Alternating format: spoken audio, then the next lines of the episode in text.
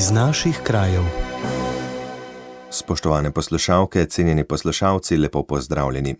V tokratni oddaji iz naših krajev bomo spregovorili o odvajanju in čiščenju voda v porečju Drave, pozivih k ureditvi upravljanja soteske Vindgar, projektu za večjo mobilnost invalidov v občinah Bohin, Gorje in Krajska Gora ter o odprtju razstave z naslovom Spomin Slovenije, slovenska nacionalna listina UNESCO Spomin sveta. Vabljeni k poslušanju. Radio ognišče v vašem kraju. V mestni občini Maribor se zaključuje izgradnja 24 km kanalizacijskega sistema, s katerim so pričeli pred dvema letoma. Izgradnja je potekala v sklopu projekta odvajanja in čiščenja voda v porečju Drave. Mestna občina Maribor, v okviru katerega se izvajajo dela še na območju Limbuša, Laznice, Pekr, Hrastja, Malečnika in Trčove. Projekt znaša približno 8 milijonov evrov in mora biti zaključen do konca letošnjega leta. Po besedah župana Saša Arsenoviča je nekaj dela le še v Malečniku, ostali deli pa naj bi bili k malu zaključeni. Vemo, da je to bil eden tistih projektov, kjer smo se najbolj bali, da bomo zamudili eh, sofinanciranje iz kohezijskih sredstev, to se pravi dogovor za razvoj regije DRR. Pa nam je to uspelo. Uh, investicija na aglomeracijah je uh, visoka približno 8 milijonov, od tega bo 5 uh, eh, milijonov bomo dobili sofinancerskih sredstev uh, od Evropske unije. Štirje projekti so bili v Mariboru, 24 uh, km so predolgi uh, ta izziv, pri katerem smo seveda lahko skladno z možnostmi reševali tudi drugo komunalno infrastrukturo in predvsem tukaj, kar je mogoče enim celo hitreje vidno veselje, torej cesta. Eh, prišel na vrsto. Uh, torej, Kamniška graba je, Limbo šlaznica je, Pekre studenci je, uh, Maličniku, kot ponavadi, traja malo dolgo, pa tudi bo v roko.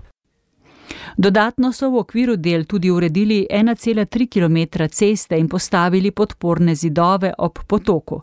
Krajani Kamnice so nove pridobitve veseli, ne le zaradi možnosti priklopa na kanalizacijski sistemi nove ceste, ampak tudi zaradi boljših možnosti za turistični razvoj, je povdaril predsednik krajevne skupnosti Simon Hauptmann projektov še odprtih, še in še zagotovo pa uh, smo zadovoljni, da se danes odpira tudi uradno ta cesta skozi Kamniško grabo, da je urejena kanalizacija, da so urejeni hišni priklopi in uh, podporni zidovi, za katere je narava uh, spomladi pokazala, da so nujno potrebni. Povejmo še, da so v krajevnih skupnostih Kamnica in Brestrnica Gaj sicer spomladi žugali z možnostjo odcepitve od Mariborske občine, ker so se čutili zapostavljene pri občinskih vlaganjih v infrastrukturo. Zagotovo je naš odziv takrat pomagal pri odnosu do mestne občine. Ne moremo reči, da smo sto odstotno zadovoljni, a da se zdaj bolje da sodelovati z njimi kot prej, je še povedal Hauptmann. Prispevek iz štajerskih koncev sem za vas pripravila sestra Meta Potočnik. Radio ognišče v vašem kraju. Na občini Gorje že več let pozivajo državo naj uredi upravljanje soteske Vindgar s podelitvijo koncesije in se tako uskladi z državnimi in evropskimi predpisi. Gorjanski župan Peter Torkar je tako pojasnil, da evropska direktiva določa, da mora država za naravno vrednoto državnega pomena, za katero pobrana ostopnina presega določen znesek, pripraviti razpis za podelitev koncesije ali pa jo neposredno podeliti lokalni skupnosti, v kateri naravna vrednota leži. Za slednje je Gorjanska občina Ministrstvu za naravne vire in prostor izrazila interes. Posluha ni bilo, zato so se obrnili na Evropsko komisijo. Župan Peter Torkar pojasnjuje. Takoj, ko bo uh, podeljena koncesija, uh, bodo sredstva iz pobrane vstopnine v Sotesko Vingar, ki predstavlja naravno vrednoto državnega pomena, bodo vsa sredstva iz pobrane vstopnine transparentna. Možen bo tudi vzpostaviti iz strani države nadzor nad porabo teh sredstev, trenutno pa tega nadzora ni. Glede na to, da so to javna sredstva, torej da gre za več milijonov letno, eh, je država dolžna razpisati koncesijo, ker gre to enostavno podobno kot za javna naročila eh, in tukaj gre eh, zakon o javnih financah je jasno in pa tudi direktiva Evropske unije je jasna in pa zakonodaja Republike Slovenije je jasna. Torej, podelitev koncesija je zakonski okvir, ki je možen in potreben, zato smo mi tudi nazvali prijavo na Evropsko komisijo. Res pa je, da če bi Evropska komisija smatrala, da ta prijava ni vredna podelitve koncesije, niti ne bi vzeli v delo. Torej, pomembnost prijave je nazvanje Evropske komisije, da so vzeli v delo in da bodo do marca 2024 tudi na to odgovorili. Torkar je prepričan, da trenutno stanje, po katerem so Tesko brez koncesijske pogodbe upravlja turistično društvo Gorje, za vstopnine pobere več milijonov evrov, ni ustrezno. Kaj pravi Bojan Traven, direktor podjetja Soteska Vindgar, ki ga je ustanovilo turistično društvo Gorje? Turistično društvo Gorje že od leta 1946 upravlja. Takrat je Ljudska republika Slovenija s posebnimi sklepi dala v upravljanje Vindgar takratnemu turističnemu društvu in tukaj je stvar zelo enostavna. Turistično društvo to upravlja že 70 let, zato ima pravno podlago.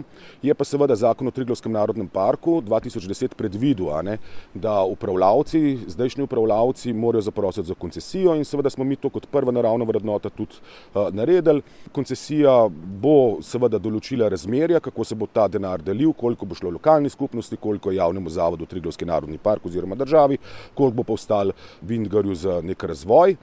Nekaj podobnega je v Postonski jami in koncesije si nis, nismo zmislili mi, ampak predvideva zakon. Kot je dodal, turistično društvo ni zasebna organizacija, temveč nevladna organizacija s statusom javnega interesa. In kako skrbi za Vindgar?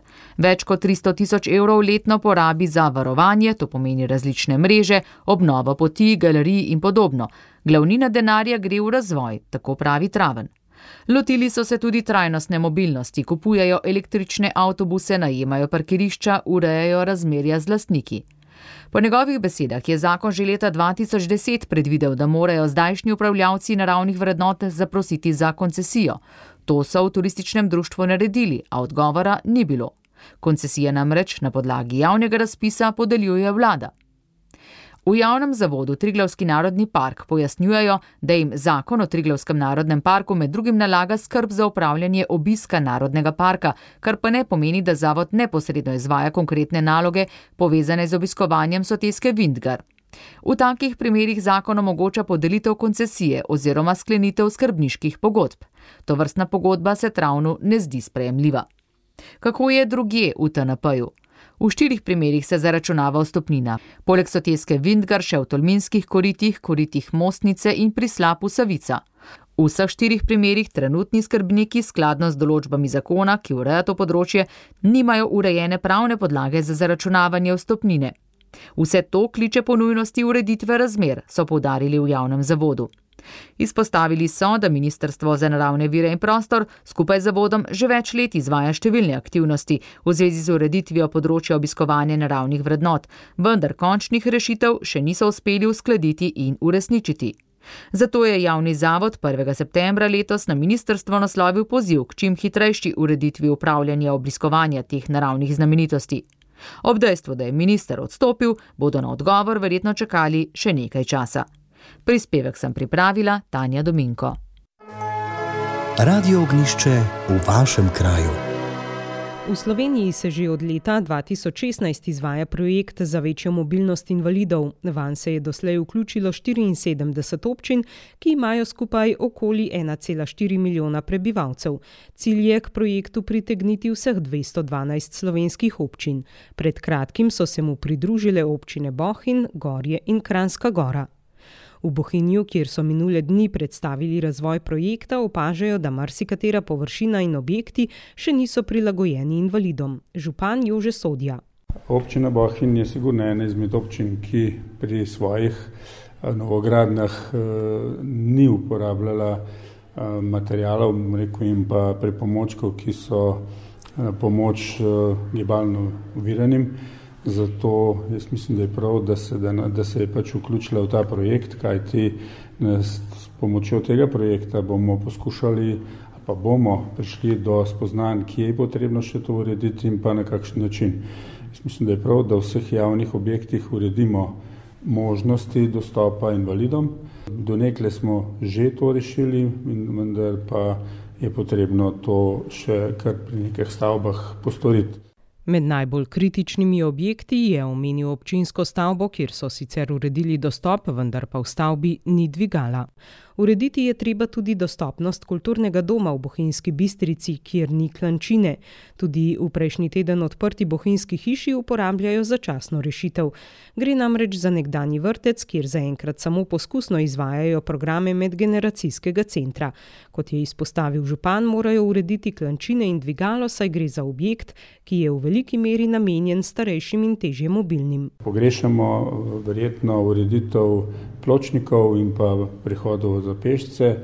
Tu smo sklenili, da pri vsaki novogradnji ali pa popravili ceste, da bomo vsaj na prihodih za pešce poskušali postaviti eh, materijale ali pa pripomočke, ki upozarjajo slepe ali pa eh, težko ogibljive, da se pomikajo po teh prihodih. Katarina Košnik z oddelka za družbene dejavnosti na občini Bohin pričakuje, da bodo s pomočjo projekta prišli do konkretnih informacij, ki jim bodo v veliko pomoč pri nadaljem urejanju Bohinjske bistrice. Mi smo v bistvu za ta projekt izvedeli strani izvajalca projekta, um, gre pa za to, da so pripravljeni v bistvu za nas nekako pregledati uh, urbana središča, določena okolja. Mi smo se odločili za Bohinjsko bistrco, uh, kako je urejena uh, z dostopnostjo za invalide, predvsem dostopi do javnih objektov, do recimo javnega prometa in te zadeve. Uh, tako da smo zelo z veseljem takoj zagrabali, tudi takoj z njimi podpisali pogodbo, to je bilo lani enkrat, no, pred meseci. Uh, povezali smo jih tudi z našim društvom Invalid Bohin, ki združuje invalide v Bohinju, ki pač tudi iz prve roke zadeve lahko povejo iz vlastnih izkušenj. Um, tako na nek način smo se takrat pogovarjali v smislu, da bodo oni tudi pač s svojimi zaposlenimi oziroma sodelavci, ki so gibalno uvirani, vse poti po bohinjski bistrci pregledali in da bi bil rezultat v bistvu tudi neka ena vrsta, ena taka karta vseh teh pasti in uh, dobrih strani urejenosti no, za invalide. To vse skupaj nam seveda pač tudi zelo prav pride. Pri nadaljem urejanju kraja bohinjske bistrci imamo zdaj kar nekaj načrtov za ureditev ulic in pa trgov, pa v bistvu tudi zato, da pač res uredimo krajino, da bo pač za vse enako dostopen. Kot je povedal vodja projekta na Ministrstvu za okolje, podnebje in energijo Vojmir Drašler, Geodetski inštitut Slovenije poskrbi za prikaz celotnega prostora, na to sledi pregled terena in dostopnosti infrastrukture za invalide, tudi s pomočjo samih invalidov na podlagi ugotovitev pripravijo možne rešitve za boljši dostop do javnih objektov, potniškega prometa in drugih javnih površin. Drašler je pojasnil, da marsikje po državi ustrezna dostopnost še ni zagotovljena, se pa zadeve v zadnjih letih relativno hitro izboljšujejo, tudi s pomočjo takšnega projekta. Prispevek sem pripravila Marta Jerebič. Radio ognišče v vašem kraju. V Narodnem muzeju Slovenije so minulo sredo odprli razstavo z naslovom Spomin Slovenije, slovenska nacionalna lista UNESCO Spomin sveta.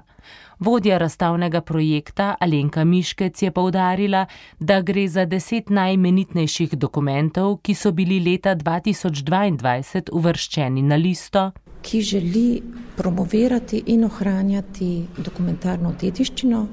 Dokumentarna dediščina je pa tista dediščina, ki obsega besedilne dokumente, kot tudi nebesedilne dokumente, filme, fotografije, vendar morajo imeti neko dokumentarno vrednost, ne umetniške. Nacionalni odbor spomin sveta je bil pod okriljem Nacionalne komisije za UNESCO ustanovljen leta 2020. Njegova naloga je bila, da med slovensko dokumentarno dediščino izbere deset enot, ki so jih na nacionalno listo vrstili dve leti pozneje. Na razstavi si boste torej lahko ogledali deset najpomembnejših, za zdaj najpomembnejših do dokumentov. Med njimi so najstarejše listine celskih grofov oziroma poznejših knezov, med njimi tudi stiški rokopis herbari najstarejši na slovenskem, so pa tudi mlajši primerki, recimo Preširnova dediščina in pa tarok, taborišni tarok arhitekta in risarja Borisa Kobeta. Miškec ob tem povdarja, da se znam ni zaključen. Čez tri leta bo sledilo novih deset upisov. Kot je še povedala, je upisno gradivo raznoliko, poleg tega so se trudili, da so z izborom pokrili celotno območje Slovenije ter da so izbrali gradivo iz različnih časovnih obdobij. Na razstavi poleg Narodnega muzeja Slovenije z gradivom sodelujejo še Arhiv Republike Slovenije, NUK, zgodovinski arhiv na Ptuju, Frančiškanski samostan Novo mesto, Javni gospodarski zavod za protokolarne storitve, Grad Brdo, Pomorski muzej Sergej Mašera Piran, Prirodoslovni muzej Slovenije ter Muzej novejše in sodobne zgodovine Slovenije. Razstava bo zaradi občutljivosti gradiva na ogled le kratek čas, do 3. decembra. Prispevek sem pripravila Manca Hribar. To je bilo v današnji oddaji vse. Če ste del zamudili ali bi prisluhnili še enkrat, vabljeni v audio arhiv Radia Ognišče, sicer pa, če se kaj zanimivega dogaja tudi v vašem kraju, nam to lahko sporočite na elektronski naslov deskafnaognisce.si. Hvala za pozornost in lep pozdrav do prihodnič. Poslušali ste oddajo iz naših krajev.